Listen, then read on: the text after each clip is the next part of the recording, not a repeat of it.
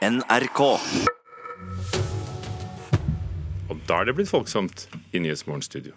For nå er det klart for ukens fredagspanel. Og første spørsmål handler om kunstnere og inntekt. Det er helt på trynet, og det gjenspeiler ikke befolkningen, kunstnerpopulasjonen. Det er eh, rett og slett et eh, gufs fra fortida som vi fortsatt drar med oss i kunstfeltet, og noe som vi er nødt til å gjøre noe med. Ja, hvis du er kunstner, så lønner det seg å være mann, hørte vi i Nyhetsmorgen for noen dager siden. I 2018 så var det 91% av omsetningen fra videresalg og auksjoner innen billedkunst kunstverk laget av menn, og kvinneandelen var altså bare på 9. 9% Og da sier jeg velkommen til Nina Kristiansen, redaktør i forskning.no. Terje Eidsvåg, kulturkommentator i Adresseavisen med fra Tyholt. Hører du oss? Hei. Og Kristin Berg, programdirektør i Nordisk Film Kino. God morgen. Spørsmålet er da først Er det sånn at, um, at menn um, står for det meste av omsetningen eh, fra, på kunstauksjoner fordi de er best? Nei. Nei, nei, nei. Terje. Nei. Men hvorfor er det sånn at de selger mest? Nei, altså, det har jo vært en studie utført på det, og dette her gjelder jo ikke bare billedkunstnere. Det gjelder jo alle kvinnelige kunstnere, at de tjener mye mindre enn det menn gjør. Og dette her kommer stadig vekk. Altså, det som skjer, er at du får en uh, lønnsstatistikk. Og så sier alle dette er altfor ille, og så går det veldig sakte framover videre. Så det blir jo aldri noe sånn stor oppvask og sånne ting. Det, det bare fortsetter å skje. Og det går mye saktere innafor kunsten enn det det gjør innafor andre typer yrker. Ja, det er som du sier, det er en gammel, gammel debatt. Og menn er kanskje også bedre forhandlere enn kvinner, tradisjonelt sett. Og kanskje har større tro på sin egen fortreffelighet. Kan også være en del av uh, Og vi har tro på deres fortreffelighet. Mm. Terje Eidsvåg eh, i Adresseavisen med fra Tyholt. Er det så farlig da at mannlige kunstnere selger mest? Det er ikke farlig, men det er dumt. Eh, og så sier nok de her tallene mer om de som kjøper kunst i Norge, enn de som lager kunst. Og så er nok eh, akkurat innenfor kulturfeltet så har det nok vært mindre diskusjon og problematisering av representasjon når det gjelder bildekunst, enn det har vært f.eks. innenfor litteratur, musikk eh, og film. Og så kan vi jo trøste oss med, for jeg har faktisk lest det her Kulturrådets rapporter for uh, kunst i tall både for i år og i fjor. Det var mye verre i fjor. Da var prosenten mellom fire og fem. Uh, og hvis vi ser på uh, når det gjelder salg av nålevende kunstnere, så har, har man gjort et byks fra 10 til 16% Så det har skjedd noe lite grann i løpet av det siste året, men det har nok vært altfor lite problematisert. Og så må man jo også se på de som kjøper kunst, for det er jo dem det her sier mest om. Og det er jo menn som også stort sett kjøper kunst, og de kjøper kunst av menn. Og Det blir sånn selvforsterkende. Ja, og hvis, hvis, hvis, hvis eh, Finans-Norge f.eks. Eh, eh, presenterte TV-serien Exit er representativ, så er det at eh, tallene er sånn som de er. Og så er det litt sånn at man ser på Og vi må jo ta et ansvar, da, for det er jo, altså, vi kjøper jo også kunst litt privat. ikke sant? Altså, på galleriene så kjøper menn inn menn, men vi har jo også et ansvar som publikum. og Det er nok en fortsatt en tendens til at man ser på sånn menns kunst som universell. Og mens kvinnekunst er kvinnekunst, altså kunst laga av kvinner, liksom det er mer spesifikt. Og det kan vi jo alle gjøre noe med holdningene våre, da. Det blir litt sånn som kvinnelige forfattere som skriver kvinnebøker. Ja, ja. Terje? Ja, det er litt jeg syns det er litt gammeldags, da, men, men, hvis du ser på eh, ta film, da, som jeg øh, kanskje kan best, så er jo ing, eh, ingen av de mest sette filmene på kino i Norge i år er laga av kvinner, men ganske mange av de beste. Så vi må huske på at de tallene her sier jo noe om omsetning, de sier jo ikke noe om kvalitet nødvendigvis. Nei, det er bestselgerlisten. Mm.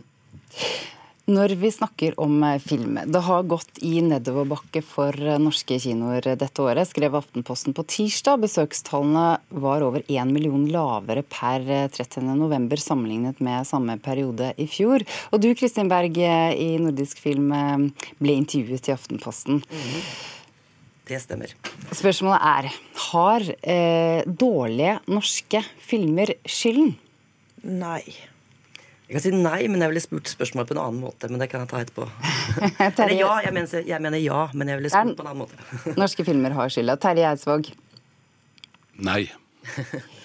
Ok, Kristin, eh, da kan du begynne med hvorfor du mener ja, at norske filmer har eh, skylda for de dårlige besøkstallene. Ja, altså, Dårlige norske filmer er det ikke, men det, du har, i år så har man hatt filmer som ikke har hatt et så stort potensial, så, de, så de har ikke generert så mye besøk. Men det er klart, forskjellen på et godt kinoår og et dårlig kinoår er, utgjøres ofte av den lokale produksjonen. Sånn som I fjor så hadde vi tre store filmer på toppen av besøkslisten. I år så har vi ikke det. Da er det Hollywood som regjerer den listen der. Så det er klart at vi er avhengig av en sterk norsk filmproduksjon for å holde, opprettholde besøkstallene på kino. Hvorfor mener du at den, at den norske produksjonen ikke har vært sterk nok i år? Hva er det, fordi, hva er det fordi har, manglet? Ja, filmene har vært mindre. Det har vært veldig gode filmer, som Terje snakka om i stad. Smale. Altså, som har en mer marginal målgruppe. Håp, disko, barn, altså du kan nevne i fleng. Men den som, filmen som er blitt sett av flest i år norsk, eh, på norsk filmfronten, det er uh, 'Snekker Andersen' uh, og 'Julenissen'. Som nå, ja. Terje Eidsvåg, du er uenig med Kristin Berg her? Eh, ja, Kanskje ikke så uenig som det hørtes ut når vi sa ja og nei, men, men, eh, men, eh, men, klart Når de tre mest sette norske filmene i år, som har blitt sett av mange, er 'Snekker Andersen' og 'Julenissen', et nytt eventyr om Askeladden og en ny film om Kaptein Sabeltann, så blir det for meg åpenbart at norsk film sliter med å lage brede filmer som når mennesker over 15 år, kan du si. og så har det, hvis du ser på kvaliteten på filmåret, så har det kanskje aldri nyere tid vært laga to-tre norske filmer av en sånn kvalitet som Håp, eh, eh, ja, du har Barn, eh, Disko, man har også flere. Så, så, kvalitetsmessig så er man der. Men det er nok et uttrykk for at også kinomarkedet generelt ser ut til å satse nesten utelukkende på, på barnefamiliene, og det er jo bra å, å, å, dra opp folk. Men også hvis man ser på de internasjonale filmene, så er det Disney over hele linja, og med Quentin Tarantino Tarantinos 'Once Upon a Time in Hollywood' som den eneste på topp ti-lista over de mest sette filmene på kino i Norge, som du kan si også sikter bredt mot eh, folk over 17 år. Og Mange av de her oppfølgerne og, og de her mer gamle sikkerstikkene har ikke slått til i år, og det er nok det som er et av de store poengene, sammen med Netflix, som jo er si, elefanten i TV-rommet her. Men det er som du sier, YouTube, ikke minst. Ja. Men det er som du sier, vi trenger de brede filmene som har den store målgruppen, sånn som i fjor var 'Skjelvet', f.eks., som eh, samlet eh, over 600 000 mennesker. Men, men, dette her handler jo også om at eh, medievanene til ungdom er i eksplosiv forandring. Nå er det sånn 93% av ungdom som strømmer, mm. Hvis det er bare 25% som går på kino. Mm. 5 av ungdommene sier at de går, ser film oftest på kino. Mm. Så jeg tenker at For at ungdom skal gå og se eh, kino, så må de går jo ikke på Snekker Andersen. Det må de der kjempestore formatene til. Og da kan det hende at Star Wars gjør nå noe susen her på slutten av året. fordi det er jo en film som du får mer ut av i kinomørket på det store lerretet enn hjemme på den store skjermen. Jeg må nevne også at Det ble laget en glimrende ungdomsfilm i år som het Psycho Bitch, som over 100 000 eh, ungdom så. Så, sånn, så det er eh, filmkunst på sitt ypperste som klarer også å trekke folk, eller ungdommen inn i kinosalen. Det koster 145 kroner, da. Og det, og, og det er gratis å strømme. Terje Eidsvåg, du sitter på, i studioet vårt i, på Tyholt. Det er litt vanskeligere for deg å komme til. Vær så god. Ja, og uh, Psycho Bitch er jo artig å trekke frem, for den er jo laga på en original historie. Uh, det trengs mm. nye historier, det trengs historier fra, fra vår tid også. Og så er jeg ganske sikker på at når de neste uke og vel så det er over og tunnelen har hatt premiere, så vil faktisk både og Star Wars har gått internasjonalt uh, også i Norge, så vil kinotallene for 2019 faktisk vise sannsynligvis en mindre tilbakegang enn en, en de her røde flaggene vi noen sto og vifta med for noen uker siden. Uansett, vi trenger den store norske filmen for å samle folket. Det, det er ingen tvil om. Neste år blir veldig bra, dere. Mm. Vi trenger eh, nye historier. Eh, her kommer et nytt eh, tema.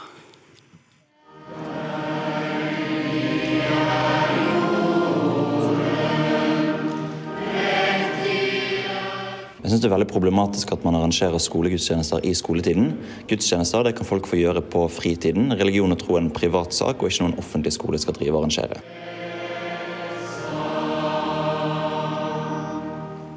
Dette er ingen ny historie, men en gammel debatt. I år er det Unge Venstre som vil legge ned julegudstjenestene for norske elever. Argumentet er at Norge offisielt er et sekulært land, og at religiøsitet er en privatsak. Så spørsmålet er Bør vi slutte å prakke julegudstjenester på elevene i eh, skoletiden? Ja. Ja, men kanskje nei. Terje? Ja. ok. Hvorfor? Nei, altså Det er jo to år siden skilsmissen da, mellom staten og kirken. Og dette her blir jo som et par som skiller seg, men som fortsatt driver og ligger sammen. Så det, må vi det er vedtatt at, uh, vi ikke, altså, at det skal uh, være et brudd. Og da må, jeg er veldig enig med at da må skolegudstjenesten opphøre. Det skal ikke være i statlige skolers regi å arrangere gudstjenester. Og så tenker jeg at det er mye kult med, med Jesus og, og, kristendommen, men jeg tror ikke noe på at det, at det, er å fremme den religionen at barn blir tvunget til å uh, måtte gå på det. fordi det er ikke det som er det mest motiverende. Terje Eidsvåg, hvorfor bør vi legge ned eh, skolegudstjenestene? Bør spille, eh, Skolen bør også speile den uh, skillet mellom eh, stat og kirke som har, blitt forsterka i Norge de siste årene. Og så har man jo selvfølgelig den kulturelle tradisjonen å, å ta, ta, vare på. Og som veldig mange andre så mener jeg også at jeg tror ikke noen tar skade av uh, uh, skolegudstjeneste, men det er heller ikke et godt nok argument for å presse samt, eller å, å arrangere skolegudstjenester eller julegudstjenester for samtlige skoleelever. Her eh, bør det være mer tilpassa opplegg som en del i del av undervisninga eventuelt. Eh, og, og, hvorfor jul, hvorfor ikke pinse, hvis man er så opptatt av de kirkelige tradisjonene. Eh, så eh, her, her, er det behov for fornyelse, selv om, det ikke, selv om det er noen retningslinjer at det ikke lenger skal være den felles avslutninga for skoleelevene, men, men, at det skal inngå som en, som en, som en del av, av, det faste opplegget hvert år for alle trinn, syns jeg virker utidsmessig, for å si det sånn. Men å vite hva som skjer skjer i et kirkerom, hvordan man ter seg der, er med på å gjøre oss til kompetente borgere, skrev Inger Merete Hobbelstad i Dagbladet denne uken. Er du ikke enig i det, Kristin? Jo, altså jeg, det, er ikke, det, er umulig å være uenig med noe som har blitt sagt her, men jeg også tenker litt på den samlende effekten og den emosjonelle biten av noe å være sammen i et rom en vakker seremoni. Kanskje skikkelig kjedelig for skoleelevene, det, sånn var det vel, og det er det fremdeles. Men uh, man, skal se, man, skal ikke glemme at det er, uh, handler om emosjoner også uh, i samfunnet. Selv om selvfølgelig stat er lik, ikke lik kirke. Men det er jo et fint budskap som kommer. Oi, nå snakker jeg. Men det er, jo, det er jo et fint budskap som kommer, det er jo ikke noe tvil om.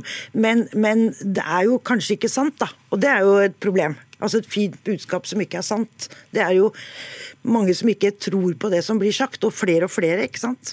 Men det er jo 3,7 millioner nordmenn som fortsatt er medlem av statskirken, da. Vi skal huske det òg. Ja, Terje Eidsvåg, du får siste ord her.